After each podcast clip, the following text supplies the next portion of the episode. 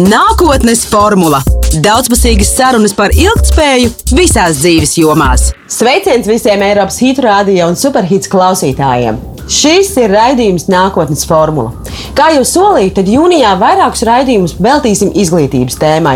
Un šodien par tādu pavisam saprotamu un praktisku lietu, proti par mūsu emocijām, kas ir saistītas ar izglītības iegūšanas procesu, ar eksāmenu laiku un beigu galā par tiem svarīgajiem lēmumiem, kas ir sava karjeras ceļa un nākotnes plānošana, kas iespējams ietekmēs visu atlikušo dzīvi.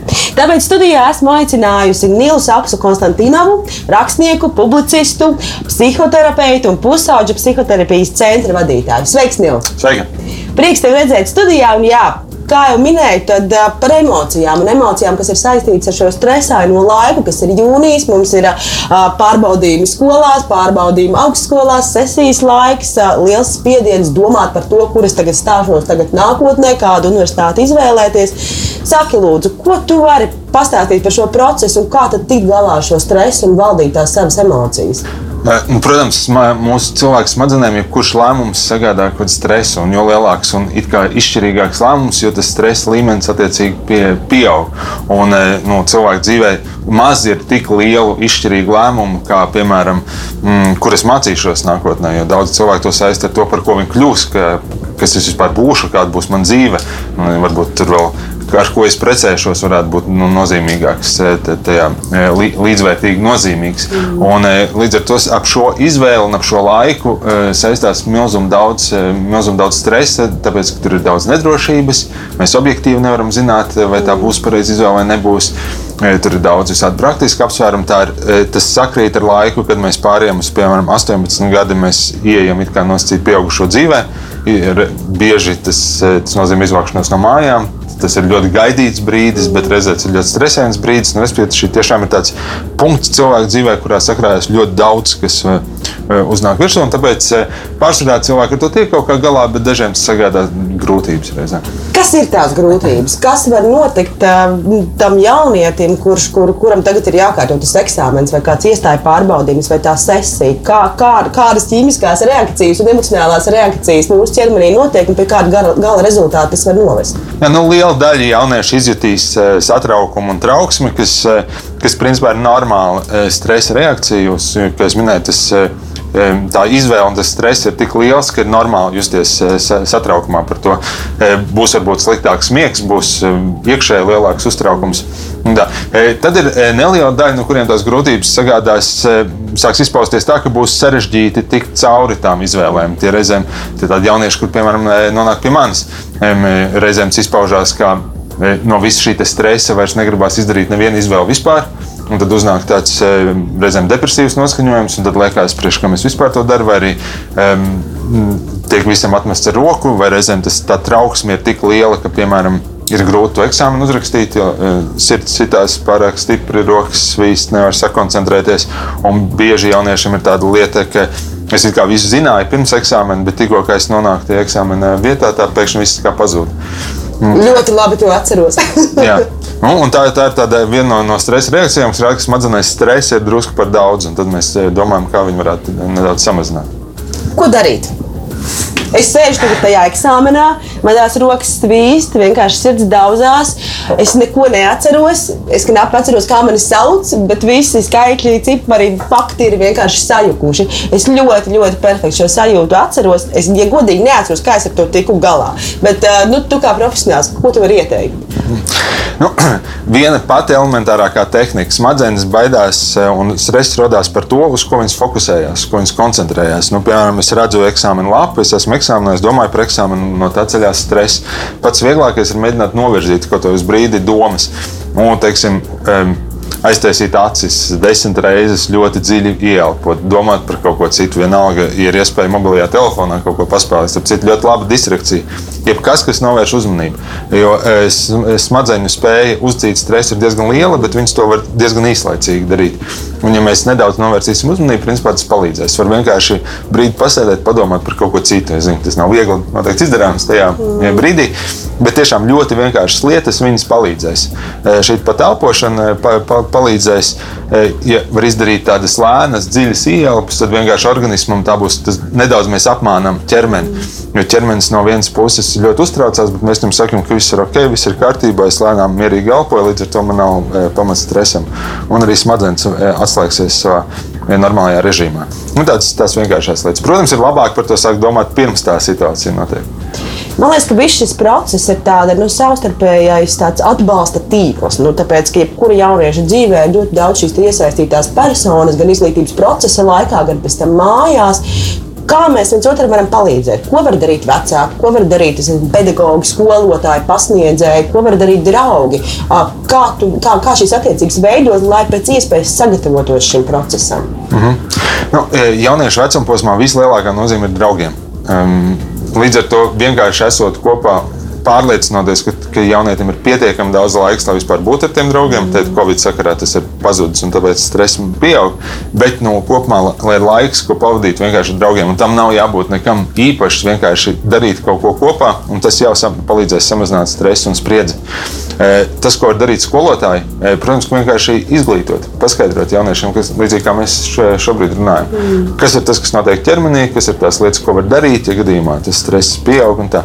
un vecākiem, protams, nu, tā vislielākā loma ir pamanīt, ja gadījumā kaut kas iet greizi, ja, ja, ja jaunietis nu, kaut kādiem iemesliem netiek galā ar tiem, ar tiem saviem izaicinājumiem un iespējams tās grūtības viņam jau parādās nopietnākas. Tad vecāks būtu tas cilvēks, kuram nu, ir gan, gan atbildība, gan pienākums parūpēties, lai jaunietis saņemtu to jau iespējams nopietnāku atbalstu.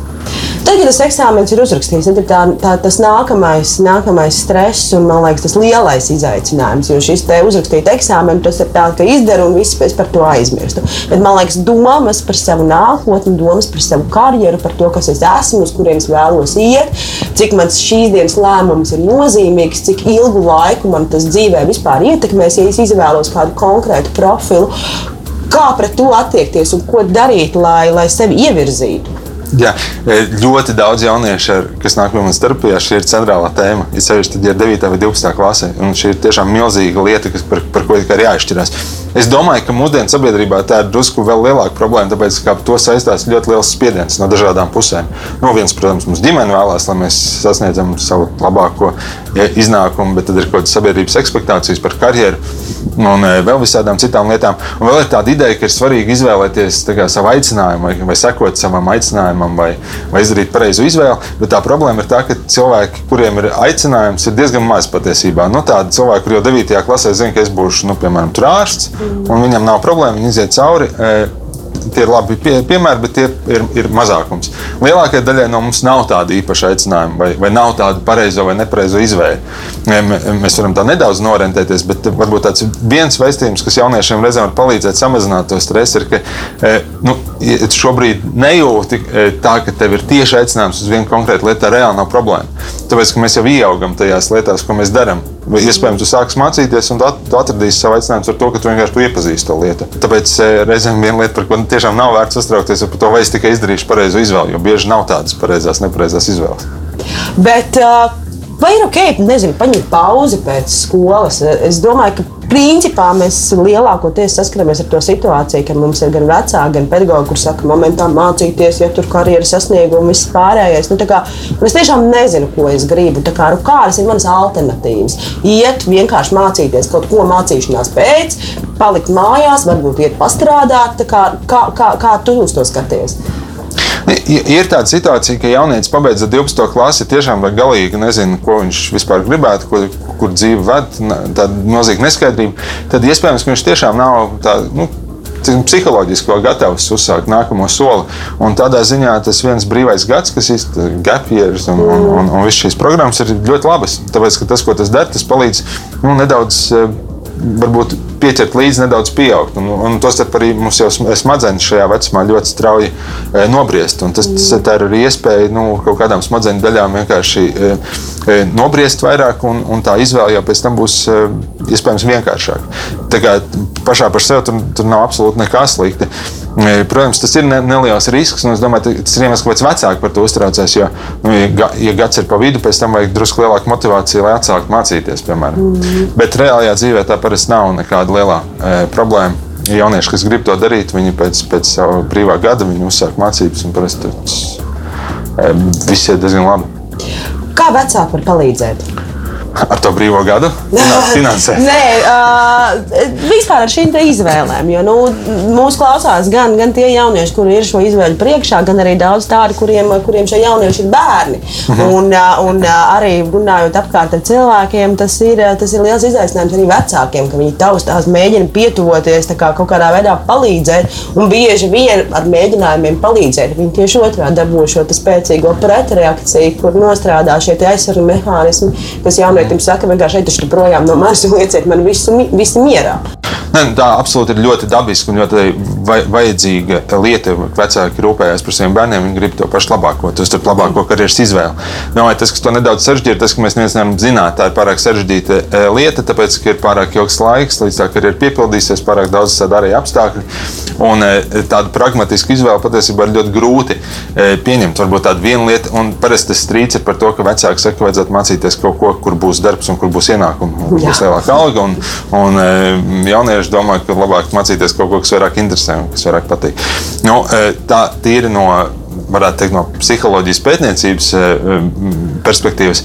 Mēs zinām diezgan labi, ka cilvēki daudz labāk funkcionē e, darot lietas, kuras viņiem patīk un aizrauj. Mm. Nu, Restīvi, mums nav pamata domāt, ka cilvēks pabeidzot kādu nosacītu šobrīd vajadzīgu profesiju, kur, bet kas viņam nepatīk, ka tomēr viņš tajā jutīsies un strādās labi un nopelnīs nekā tad, ja viņš e, mācītos to, kas viņam un patīk, bet līdz ar to viņš tie ieguldīs daudz lielāku enerģiju un iespējams viņa dzīves un karjeras sasniegumi būs daudz lielāki.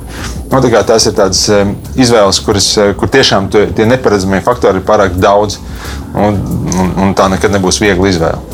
Vai ir kaut kāds uh, laika termiņš, cik mēs ilgi varam sevi meklēt? Nu, kā nu saka, nu, es nezinu, ja es divus, trīs gadus nezinu, ko es gribu darīt, tas ir ok, bet, nu, piemēram, jau 4. un 5. gadā varbūt tās speciālisti man saka, nu, jau ir problēma. Kā, nu, kad jau ir varbūt kaut kā proaktīvi kaut kas jādara, jāiet varbūt pie, pie, pie, pie kāda profesionāla, varbūt pie tevis parunāties un tam līdzīgi. Kā, vai ir kaut kāda laika līnija, kam mēs varam, kam mēs sekojam, ja, kurai būtu jāsako? Nu, no vienas puses cilvēkiem šīs līnijas līnijas ir ļoti dažādas. Būs cilvēki, kas jau 14, 15 gados ir diezgan nobrieduši un gatavi uzsākt eh, pastāvīgu dzīvi, un būs cilvēki, kas vēl 30, 35 gadiem nosacīt sev meklēt. Es domāju, ka mēs sev meklējam vispār visu, mm. visu dzīvi. Eh, bet, eh, nu, protams, ka pašam cilvēkam ir svarīgi, lai tajā vecumā, kad sabiedrība un viņš pats uzskata, ka viņš var dzīvot pastāvīgu dzīvi, lai viņam vairāk vai mazāk būtu kaut kādas lietas, ko viņš var darīt, ko viņš ar izglītību vai bez, bet ar ko viņš var kaut ko nopelnīt. Un to starp kaut kas, ko viņš būtu nu, pats e, sasniedzis, tāpēc tas vienkārši dod mums sajūtu, ka mēs kaut ko dzīvē varam. E, tāpēc arī varbūt būtu labi, mm, teiksim, uzsākot mācības augstskolā, pat ja tā nav. Izrādās, tā nav īstā lieta, kas tik ļoti aizrauja patiesībā e, no psiholoģijas viedokļa ir labāk būtu to pabeigt. Tāpēc tas iedod iespēju, ka es, to, ko es uzsāku, to es varu pabeigt. Un, un man būs lielāka iespēja, ka es pabeigšu arī to, ja es, ja es sākšu darīt kaut ko citu. Un katra savukārt nu, tāda neveiksme tā, tā rada apziņu, ka tas ir, mm, nu, ka tas ir tas, kā tam iespējams vajadzēs būt arī nākotnē. Mm, bet tāda mm, ļoti konkrēta, protams, ka nav. Kas ir vēl tie spiedieni pašlaik, ar ko saskaras jaunieši, vai tie izaicinājumi un, un tās īstenībā droši vien arī problēmas, ar kurām jaunieši nāk pie tevis? Nu, Sociālā tīkla, protams, ir milzīga tēma un milzīga lieta. Un par to teikt, visi ļoti daudz domā, un tostarp arī speciālisti. Mēs īstenībā nevaram saprast, vai ir ietekme, cik liela ietekme. Jo viens tas, ko mēs redzam, ka jauniešiem problēmas pieaug. Nu, teiksim, pieaug un to mēs objektīvi varam izmērīt, ka ar katru jauno paudzi pieaug depresijas un trauksmes. Piemēram, cilvēki, jaunie cilvēki jūtas daudz trauksmēnāk, kur ir daudz nomāktāki. Mēs īstenībā nezinām, kāpēc. Iespējams, tas saistīts ar sociāliem tīkliem. Tas, piemēram, ir, ir e, ļoti skaidrs zināms, ka sociālā tīkla negatīvi ietekmē meitenes tieši. Mm. Un, piemēram, tās lietas, kas saistās ar ēšanas traucējumiem, kas ir tāda no sabiedrības tendence šobrīd e, meitenēm, tā ir tieši saistīta ar to, cik meitenes un kādu veidu saturu patērē sociālos tīklos. Nu, tas viss, protams, saistās ar skaistumu ideāliem un, un visām šīm pārējām lietām. To vai ir kaut kādas vēl ietekmes, to, to šobrīd grūti pateikt. Nu, bet tā, tā ir tāda. Um, milzīga lieta, respektīvi, tie ideāli, ko, ko, ko e, sociālajie tīkli, tos ar Instagram influenceri vispār uzliek e, ja, jauniešiem. Jo tas, ko mēs darām tajā vecumā, nu, tā aptuveni 14 līdz 24 gadiem, mm. mēs principā meklējam sevi. Nu, vairāk vai mazāk veidojam to savu identitāti. Mēs to darām, atrodot kaut kā apkārtējā vidē, kādus kam līdzināties un paņemot pa daļai no tā, bet ja tās daļas ir tādas ļoti grūti izpildāmas vai, vai, vai, vai nu, nepārāk pozitīvas, tad, tad, protams, tur var rasties tādas grūtības. Bet, nu, protams, ka sociālai tīkli pašlaik ir neatņemama jauniešu ikdienas sastāvdaļa. Nu, mēs ļoti daudz pavadām laika telefonos, visu laiku kaut ko skrolojot, skatoties un tam līdzīgi. Nu, ko tu saki tiem jauniešiem, nu, ko viņiem darīt. Nezinu, uzlikt tur limitu ne ilgākā pusstundu dienā, atsakoties no, no, no tiem, kas, kas komunicē varbūt tās utopiskus ideālus. Nē, absolūti nē. Starp citu, ir um, jaunieši, kuri paši grib sākt limitēt savus. Mm. Tāpēc, e, starp citu, ir tādi interesanti e, pētījumi, ka aptuveni 50% jaunieši paši saka, ka viņi gribētu lietot mazāk. Bet vienkārši tas, tas pieredums ir izstrādājis, nu, kā mēs paši zinām no sevis. Mm. E, Drīzāk jau tā rekomendācija ir tieši tāpat kā, kā ikdienas dzīvē. Vienkārši nu, esi prātīgs un aptuveni izvēlējies tos cilvēkus, ar kuriem satiecies. E, tieši tāpat ir diezgan prātīgs izvēlēties tos, e, tos burbuli, kurā tu dzīvosi, vai kas, kas, kas ir, piemēram, tie tavi Instagram influenceri, kuriem tu sekos un gribēs līdzināties. Nu, tādas ļoti prātīgas lietas, vai tiešām tu gribi iekrist tādā, nu, ne, ne, ne pārāk pozitīvā tādā mm, tajā dzīves situācijā, vai nu tomēr izvēlēties kaut kāds, kas tev principā izvilks cauri un, un, un dos tādus pozitīvus pastiprinājumus. Nu, tieši tāpat kā reālajā dzīvē, vai, vai tu gribi satikties ar cilvēkiem, kuriem varbūt tevi izmantos, vai kādu savu mērķu labā, vai arī tu atradīsi cilvēkus, kuriem tiešām ir svarīgs. Bieži vien tiksim, arī vecāka gada gājuma pasniedzēji un skolotāji saka nu, par tiem jauniešiem, par to mūsdienu, mūsdienu paudzēm un visu pārējo, nu, ka viņiem tas neinteresē, ka tā visa fragmentārā uztvere, virspusējās zināšanas, nemāk mācīties, nemāk lasīt, nemāk domāt un tā tālāk un tā joprojām. Es domāju, ka tu arī gana daudz saskāries ar šiem kaut kādiem arī daudziem stereotipiskiem apgalvojumiem par to, kādi tad ir tie mūsdienu jaunieši. Vai tu vari kaut ko komentēt par to, kur ir šī pretruna starp šo priekšstatu un to reāli? Reālo, praktisko cilvēku, ko tu satiec, satiec kā šo jaunieti. Es spriežos pēc vēstures, tā, tās paudžu sūdzības savā starpā ir nu, mūžīgas. Vienmēr, vienmēr nākamajai paudzei liekas kaut kas. Tas, ko es reāli redzu ikdienas, ir tas, ka viens jaunietis ir super dažādi, ļoti, ļoti, ļoti dažādi. Un tā, iespējams, tā amplitūda ir lielāka. Nekā, nu, tas arī saprotams, tāpēc, ka mēs varam piekļūt dažādiem. Piemēram, 90. gados, kad es, es biju pusaudzis, varēja piederēt vai nu, vai nu metālistiem vai reperiem. Tās iespējas nebija baigi daudz, ko tagad var piederēt no aptuveni simts dažādām tur, tur grupām. Līdz ar to jauniešu nu, tā dažādība ir liela. No otras puses, neko tādu, protams, neredz. Nu, kā jebkurā laikā man šķiet, ir jaunieši, kas ir ļoti gudri, kas ir ļoti mērķtiecīgi un ļoti forši. Ir jaunieši, kuriem ir savas grūtības. Tas, ko mēs runājam par, par uz, uztveres pārmaiņām, jā, protams, tas ir saistīts ar veidu, kā mēs patērējam informāciju, bet nu, tas mainās visu laiku. Tad, kad tas, ka mēs spējām uztvert informāciju, lasot, tas arī nav nekas mūžīgi pastāvējis. Tas mm. salīdzinoši nesen, nu, te, protams, ienākot datoriem un jaunām iespējām, jaunieši iespējams labāk uztver informāciju caur YouTube video. Tas ir vienkārši informācijas uztveršanas veids, bet um, es nedomāju, ka tas liecina kaut ko tādu fundamentālu par viņu. Es atceros arī, teiksim, tad, kad es vēl biju šajā vecumā, kurš kas, kas skaitās šīs jaunības, jaunieša sākums, nu, 14, 15, 16 gadi. Nu, iedomāties, aiziet pie skolas psihologa vai kādam paprasīt padomu vai, vai palīdzību. Tas būtu nu, visapkaunojošākais, kas ar mani var notikt. Vai kaut kas ir mainījies šajā stigmatizācijā un šajās bailēs jauniešiem vērsties pēc palīdzības? Jā, šī man šķiet ir lieta, kas reāli piedzīvo milzīgas pārmaiņas. Jo, protams, ka ir tā, ka e, viss, kas saistās ar psihisko veselību, tas vēsturiski ir arī saistīts ar bailēm un stigmu. Tāpēc mēs katrs savā ziņā baidamies nojaukt prātā. Nu, tā, nu, būsim atklāti, tas saistās ar to, ka es nevaru tikt galā pats ar savām problēmām, kaut kas man nav īsti kārtībā. Nos, e, tas, ko tagad var redzēt, tas ļoti mainās, bet mainās pārsvarā Rīgā un Rīgas centra skolās. Piemēram, tur ir jaunie, un tur mums ir teiksim, klase, kur, kur jau nāk 5, 6 cilvēki no vienas klases. Tur viens otram iesaka un iet pie speciālistiem, un, pie, un, un viņiem katram vajag nu, teiksim, izrunāties psihoterapeitu vai psihologu. Tā ir tāda ļoti normāla jau lieta. Nu, pat ne normāla, bet vēlama bezmazliet. Mm. Un, kas, man liekas, tā ļoti sirsnīgi, ka teiksim, tā, pats jaunais, piemēram, 15, 16 gadi, kad viņš e, sazinās, saka, viņš grib atnākt parunāties, piemēram. E, protams, bet jāņem vērā, tas tomēr ir tāds mazs burbulis. Tas ir Rīgas centra skolas vairāk vai mazāk. Ja mēs ejam ārā no Rīgas centra un ceļšķi ārā no Rīgas, e, tad tās problēmas tur proporcionāli pieaug un, un tā stigma arī tur joprojām ir tas daudz vietu, ko tu saki. Tas, protams, saistīts ar bieži tās sliktās pieredzes reāls. Mums ar to arī jārēķinās. Visādi iemesli dēļ jauniešiem var būt diezgan sliktas pieredzes ar, ar, ar saviem psihologiem, ar saviem psihiatriem, piemēram, vai psihoterapeitiem.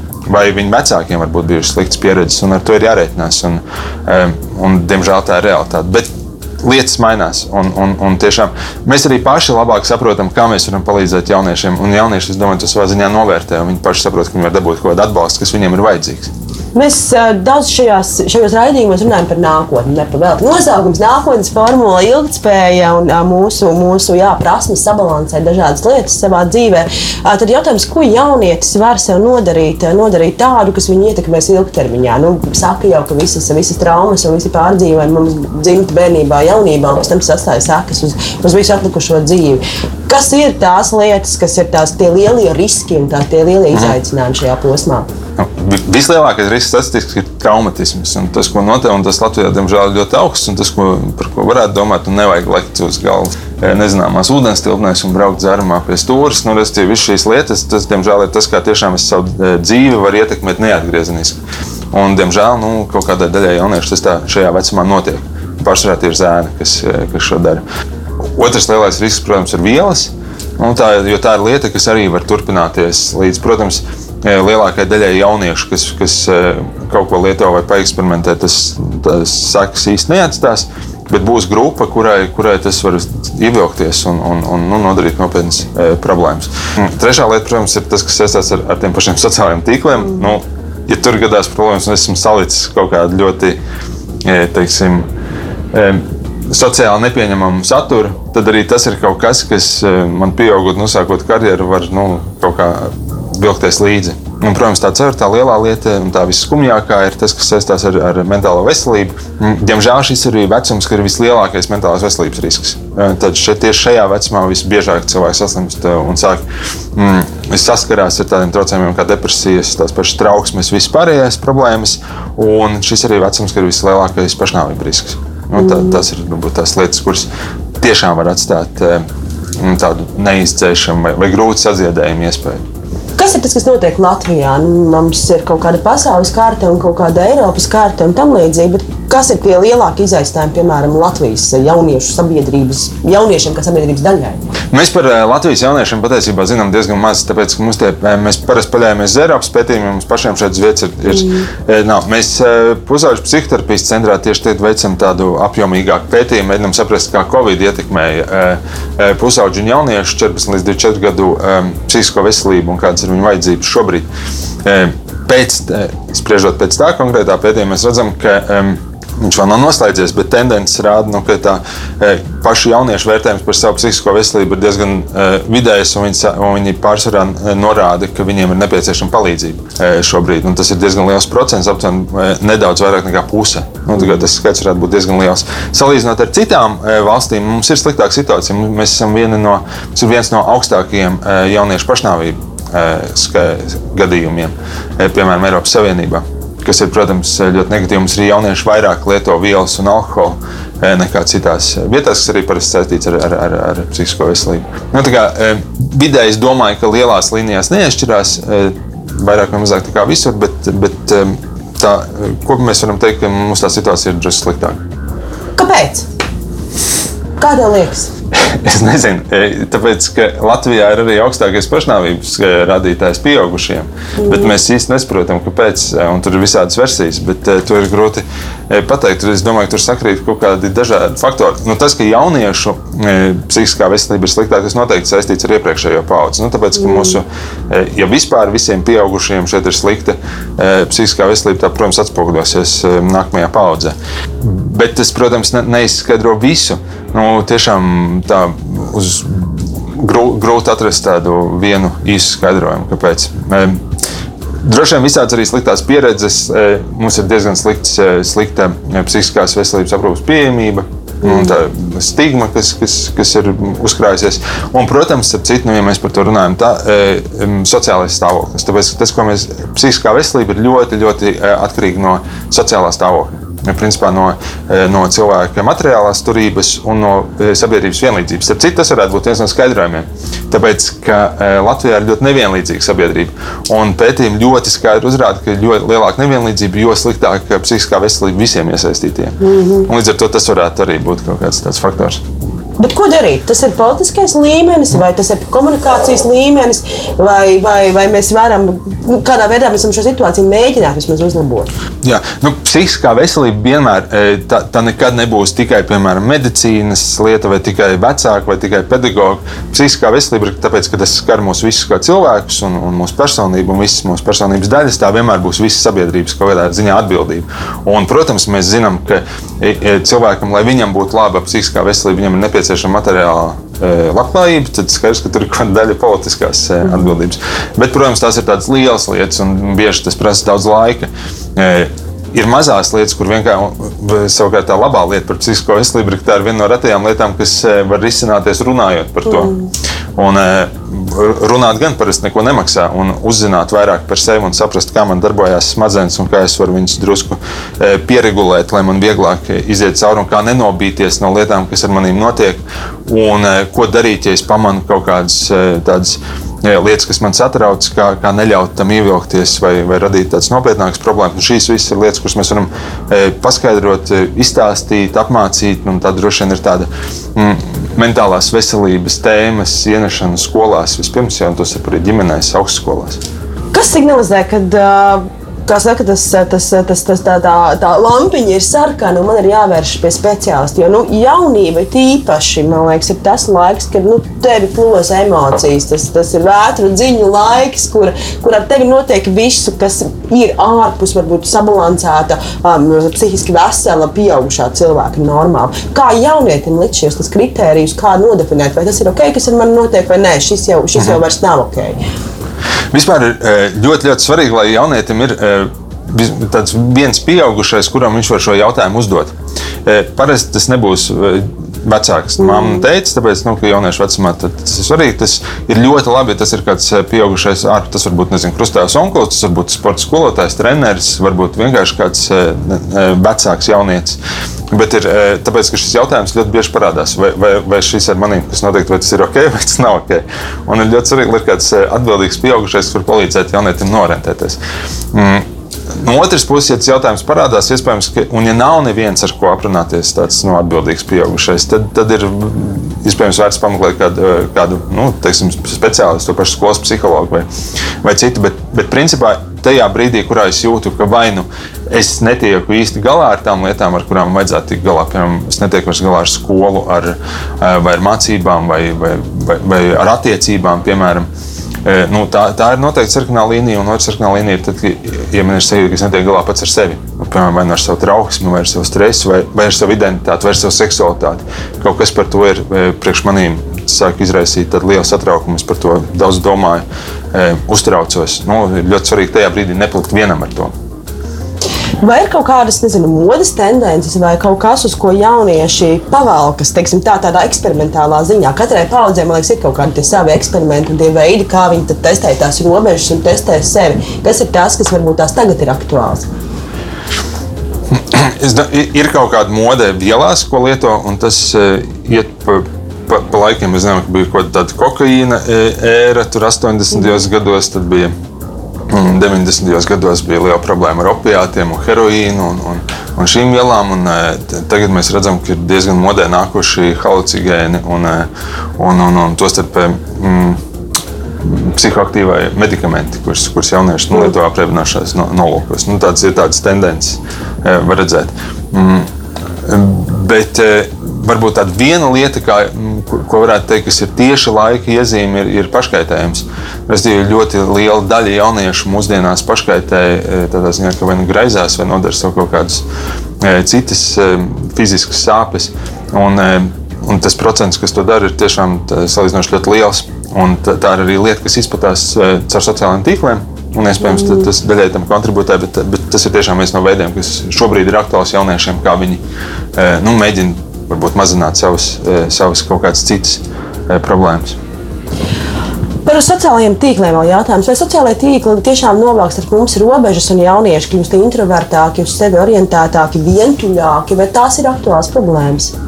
Ja, ja godīgi, es domāju, ka mums par agru mēs īsti nezinām, tāpēc tie sociālai tīkli ir drusku par, par jaunu fenomenu, lai mēs varētu tādus ilgtermiņa sēkļus redzēt. Bet tas, par ko man atkal ir tāda e, pieredze, kas ir no darba ar jauniešiem, ko viņi paši saka, nu, protams, ka ja mēs e, draudzējamies un komunicējam pārsvarā sociālajos tīklos samazinās laiks, ko mēs pavadām seju pret seju, acu pret acu. Un, bet tā ir lieta, nu, komunikācija ir tāda lieta, kur mēs iemācāmies. Un it sevišķi pusauģiem un jauniešiem šī reizēm ir tāda ļoti trauksmaina vieta, tāpēc, ka, kā es komunicēju ar citiem, kā citi man redz, ko citi par maniem padomā, kā vispār. Nu, tas ir milzīgi, milzīgi tēma.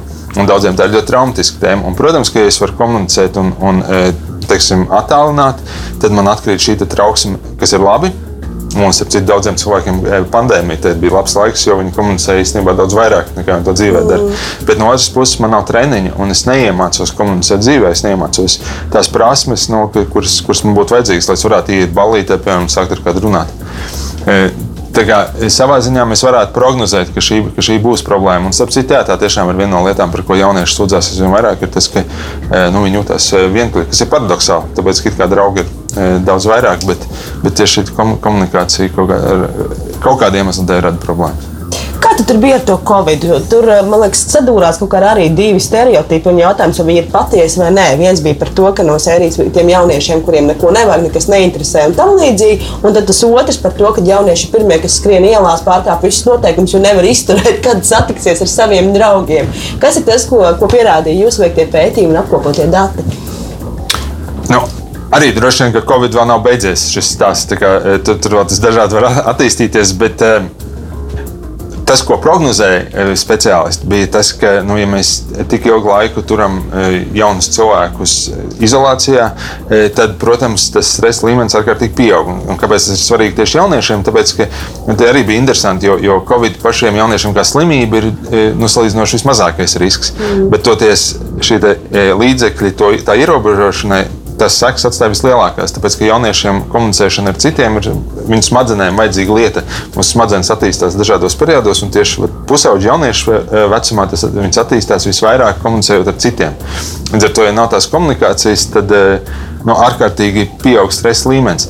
Mēs varētu domāt, ka iespējams tas, kas notika pēc, nu, vai pandēmijas no, no, un, un šie plašie protesti visi un, un akcijas, ko mēs mm. redzam, iespējams tas daļai ir saistīts ar to, ka nu, pietiekami ilgu laiku vienkārši augas smadzenēs cilvēkiem šī spriedze un ka to vajag kaut kā izlādēt. Jo dabiskais veids, kā izlādē e, jauniešu šādu spriedzi, ir skola, sports, e, tikšanās ar draugiem, visas tās lietas, kas viņiem bija noņemtas. Kā sagatavoties nākotnē? Kādu, kādas prasmes, kādas iemaņas kaut kādā nākotnes perspektīvā, teiksim, jauniešiem tagad domājot par šo savu ceļu pretī lielam nezināmajam? Jo tas jau, kas mums biedē, ir nezināmais. Un, ja mēs skatāmies uz profesionālām visām ievirzēm, karjeras, karjeras kaut kādiem izaicinājumiem, darba tirgus prasībām un tam līdzīgi, tur ir vairāk nezināmā nekā zināmā.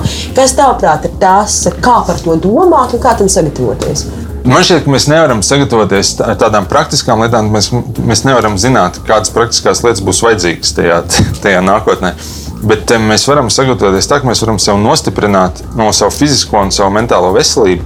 Tāpēc, ka neatkarīgi no tā, kāda būs tā nākotne un kas tajā notiks, ja mēs būsim pietiekami spēcīgi un, un spēcīgi to starp mentāli, mēs tam iziesim cauri un mēs pratīsim tam pielāgoties un atrast savu vietu, nu, jebkurā situācijā, lai kāds mainītos. Un savukārt, ja jums mentālā e, veselība ir sliktāka un to starp arī fiziskā, jums ir grūtāk. E, un, ja kāda nākotnes izaicinājuma, tad milzī, var milzī, radīt milzīgu stresu. Tāpēc, nu, Manuprāt, pats labākais veids, kā sagatavoties, ir nostiprināt sevi. Un to starp ja saprast, kā darbojas viens, kā darbojas mans ķermenis, un otrs, kā darbojas mans smadzenes, mans prāts. Mm -hmm. Kas ir tās lietas, kas man izraisa stresu, un kas ir, protams, svarīgāk, kas ir tās lietas, kas man palīdz mazināt stresu. Un e, kas ir varbūt tie mani riska punkti, bet vēl svarīgāk, kas ir tie mani tie spēka punkti, e, kur, kuros es iegūstu savu enerģiju. Un tā diezgan apzināti šo te, e, apzinot, man liekas, tā ir pat labākā bagāža, tāda mugursoma, ar kur iet cauri, un vienalga, kas tur būs, nu, mums ir laba mentāla veselība, mēs tam tiksim cauri. Par fizisko veselību skaidrs. Skrienam, kačājam muskuļus, veselīgi ēdam, visi. Kas kādā veidā, kādā veidā to sasaistīt ar galvu? Ja? Vai tas, ko mēs ēdam, ietekmē to, kāda ir mūsu mentālā veselība, vai tas, kādā gaisā mēs dzīvojam, ietekmē to, kāda ir mūsu mentālā veselība? Kādas tur ir saiknes? Absolūti. Tam, jo, jo mēs vairāk to pētām, jo vairāk saprotam, ka tā saikne ir daudz lielāka. Un izskatās, ka patiesībā nav tādas šķietnes, nav fiziskā, psihiskā veselība. Droši vien tā ir vispār viena veselība, jo tas viss ir pārāk cieši saistīts. Nu, piemēram, ēdiens. Mēs te aizvien labāk saprotam, ka ēdiens ļoti tieši ietekmē to, kā mēs jūtamies. Un ir, piemēram, noteikti, noteikti ēdienu grupas, kuras noteiktā veidā iedarbojas uz receptoriem vēdā, kas liek mums justies labi. Tas tas ir vairāk. Šis ir ļoti interesanti. tā, tā, tāda drusku sarežģīta tēma, eh, varbūt garāk, bet, bet principā ir pat tāda jauna nozara, viņa tā arī saucās, eh, uztura psihiatrija, kas mhm. skatās, kā ar dažādām, eh, dažādiem ēdieniem, dažādām uzturvielām mēs varam ietekmēt savu psihoemocionālo stāvokli. Nu, kam, protams, ir izskaidrojums, tāpēc, ka mēs kā cilvēki, kā bioloģisks būtnes esam radīti, mums ēdiens ir ļoti svarīgs. Un izrādās, ka e, tas, ko mēs runājam par šiem dopamīna receptoriem, par ko mēs vispār esam smadzenēs, kā tas ir smadzenēs, bet e, liela daļa šo pašu procesu notiek mūsu kuģi. Un līdz ar to mēs varam iedarboties tiešā veidā uz savu labsajūtu ar kuģi. Sorry, e, mēs... Ko es pirms eksāmena, piemēram? Tik ātri rezultāts nebūs. Tikai, bet tas, ka ir vērts eh, vispār ilgtermiņā padomāt par, par veselīgu uzturu, nu, tas, tas, tas gan ir absolūti, jo tas noteikti ietekmēs to, kā jūties. Nu, tāds, vai veselīgs uzturs ir universāls šajā gadījumā, vai ir tā, ka tomēr tie cilvēki ir atšķirīgi un katram ir tā sava ēdienkarte, kas vislabāk nodrošina, piemēram, viņu smadzeņu darbību? Un, un, nu, kā saka, nevar jau būt tā, ka viss ir labs vienam, kas saka, ka viens ir labs visam. Es domāju, absolūti, un tur ir tas. Uh, nu, kā mums ir labs tas, kas liek mums justies labi, un katram liek justies labi dažādas lietas. Pie tam viena, vi, viena e, lieta neatrisinās visas problēmas. Tikai ar labu uzturu mēs nenodrošināsim to, ka mēs jūtamies lieliski. Nu, Respektīvi, tur vēl vesela pakete. Tostarp tevis pieminētās fiziskās kustības. To mēs arī ļoti labi saprotam. Un, teikt, piemēram, e, nu, nu pat ir tikai sāksies tā tendence, bet piemēram, mēs varam izrakstīt e, fiziskas nodarbības, kā piemēram līdzekļu pret depresiju. Un, kas ir jauniešu vecumā, starp citu, viens no efektīvākajiem līdzekļiem pret depresiju. Nu, tieši fiziska, fiziska slodze, fiziska kustības, un atkal tas saistās ar to, ka tas kā tas ietekmē mūsu smadzeņu darbību, hormonālās pārmaiņas un vispārējo. Nu, šīs ir tādas, kas varbūt liekas vienkāršas lietas, bet reizē tām ir milzīgs iespējas. Un, piemēram, starp citu, vislielākais iespējas ir miegam. Mm. Jo jebkurai psihiskās veselības problēmai tas uh, triggers vai tas, kas viņu izsauc, tas ļoti, ļoti spēcīgi saistās ar, ar miega daudzumu. Un, piemēram, ir tādi pētījumi, kas rāda, ka tikai e, palielinot miegu par vienu līdz divām stundām, piemēram, vienā klasē mēs varam samazināt visas mentālās problēmas par aptuveni 70%. Nu, līdz ar to tas ir milzīgs iespējas. Protams, skolas tam nav īpaši labi piemērots, tāpēc ka skolas liek nākt uz skolu pusauģiem tajā pašā laikā, kad bērniem. Bērniem tas strādā ļoti labi. Viņu smadzenes strādā vienā ciklā, pusauģiem smadzenes pārmainās, un viņi ilgāk paliek nomodā, viņiem vajadzētu ilgāk pagulēt. E, un, e, tā būtu viena liela lieta, kad runājot par pārmaiņām sabiedrībā, ja to varētu izdarīt. Mēs varētu ļaut pusauģiem nākt uz skolu, pagulēt par stundu, divām ilgāk. Mēs varētu milzīgi ietekmēt viņu psihisko veselību.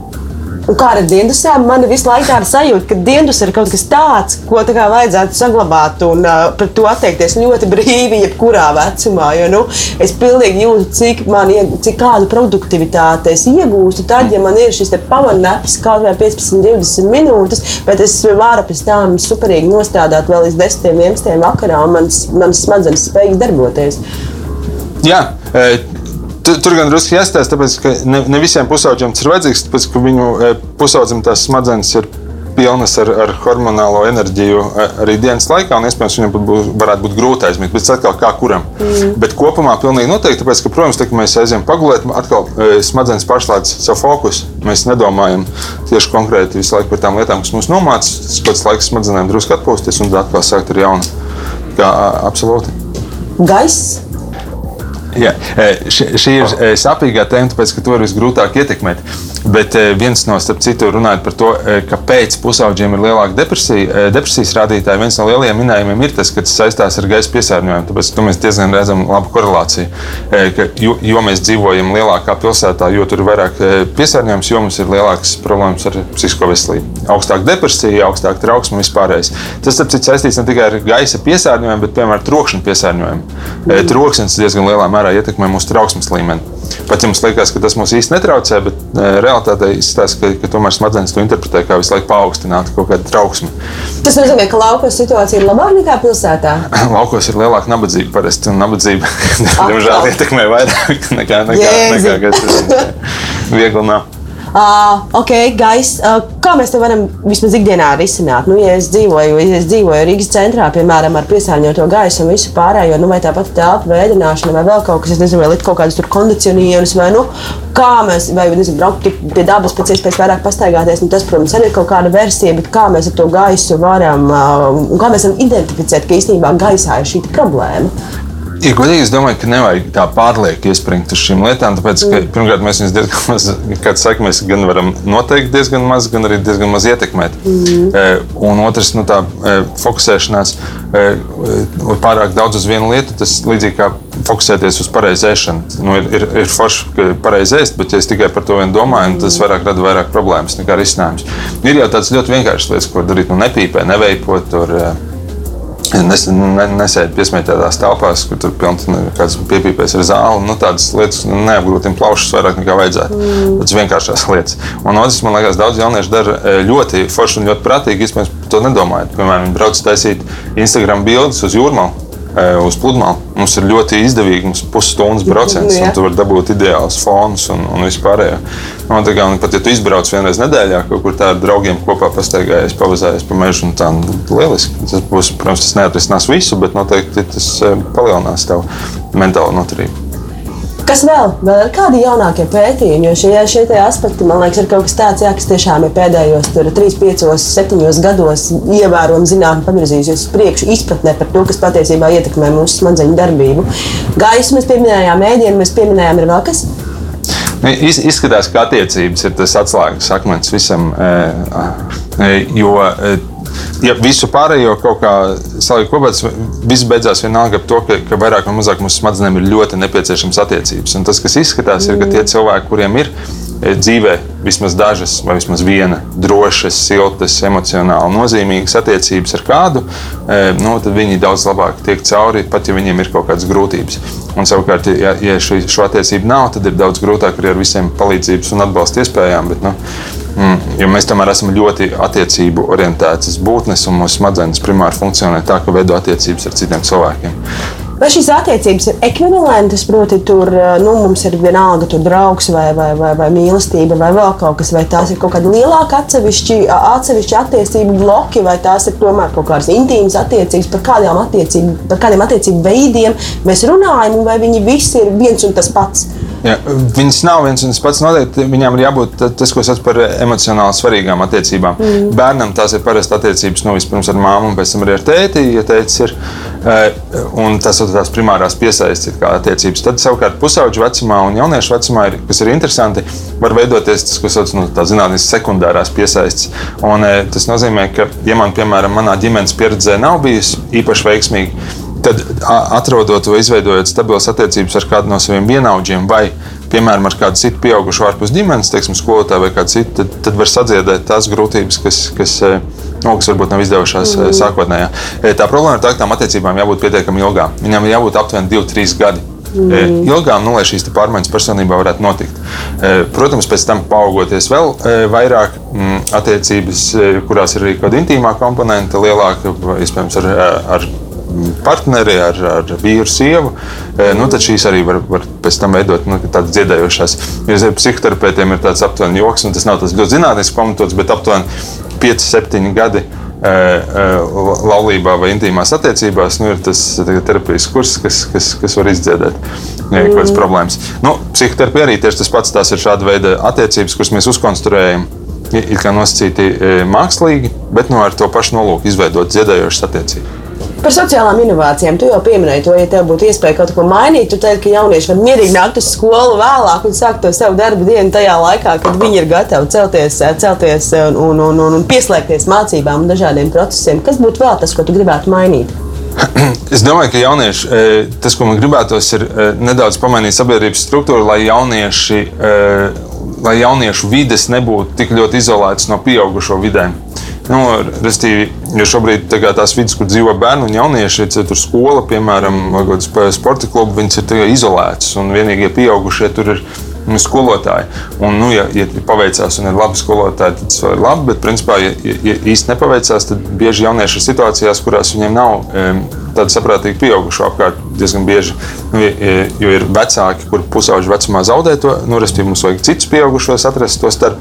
Un, ja vienīgie pieaugušie ir skolotāji skolā, nu, tas var mazināt. Un otra lieta ir tas, ka nu, šī sajūta, ka, mm, te, par ko daudz pieaugušie sūdzās, jaunieši nav motivēti vai jaunieši, nu, ka, ka nav nekādas viņiem vēlmes. Jā, jā.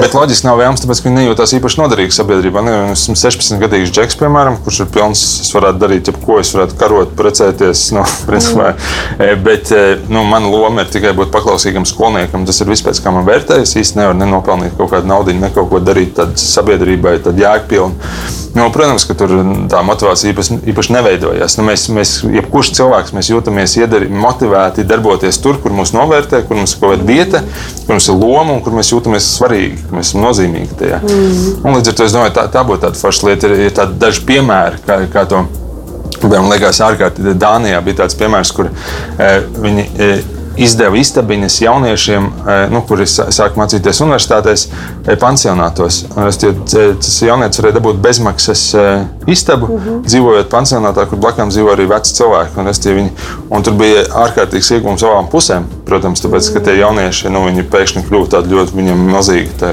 viņus ļoti novērtēja, viņi darīja ārkārtīgi svarīgas lietas. Un tas arī veciem cilvēkiem. Un, tas, tas, kā sabiedrība man šķiet, var daudz labāk miedarboties, nevis nodalot tās mākslīgi, diezgan tās dzīves telpas, bet nu, tieši otrādi, tā lai visi var bagātināties viens no otra vairāk. Paldies tev par šo brīnišķīgo sarunu. Mūsu rādījums ir pietuvojies izskaņai. Uh, droši vien, ka noslēgumā varbūt kāds vēlējums. Tā kā mēs sākām ar, to, ar tiem stresiem, ar tiem izaicinājumiem, vispārējo, tad uh, kas ir tas, ko tu gribētu pateikt tiem jauniešiem, kas tagad sēž tajos eksāmenos, kas sēž savās sesijās, kam tūlīt jāstājās jaunās universitātēs vai kaut kas fundamentāli dzīvē jāmaina? Varbūt pa, pavisam viena vienkārša lieta, mēs paturēt pie sevis prātā, ka e, nav iespējas izdarīt ļoti nepareizu izvēli. Ir, ir tāda sajūta, ka te ir kaut kas ļoti jāizvēlas, bet tādu fundamentāli nepareizu izvēli patiesībā nevar izdarīt. Nu, jebkas, ko tu izdarīsi, tā, tā dzīve e, savā ziņā tam pielāgosies un pats mainīsies un pielāgosies. Un, un, un, un gal galā šim nebūs izšķiroša nozīme, lai, lai kādu ceļu dzīvē izvēlētos iet nodrošināt. Paldies tev! Nils Saks, Konstantinovs, psihoterapeits, publicists, rakstnieks. Šodien nākotnes formulā. Skatieties mūsu YouTube, meklējiet Spotify, klausieties radio ēterā. Prieks bija kopā ar jums, un tad līdz nākamajai reizei. Atā! Raidījums tapis sadarbībā ar Nacionālo elektronisko plašsaziņas līdzekļu padomi sabiedriskā pasūtījuma ietvaros.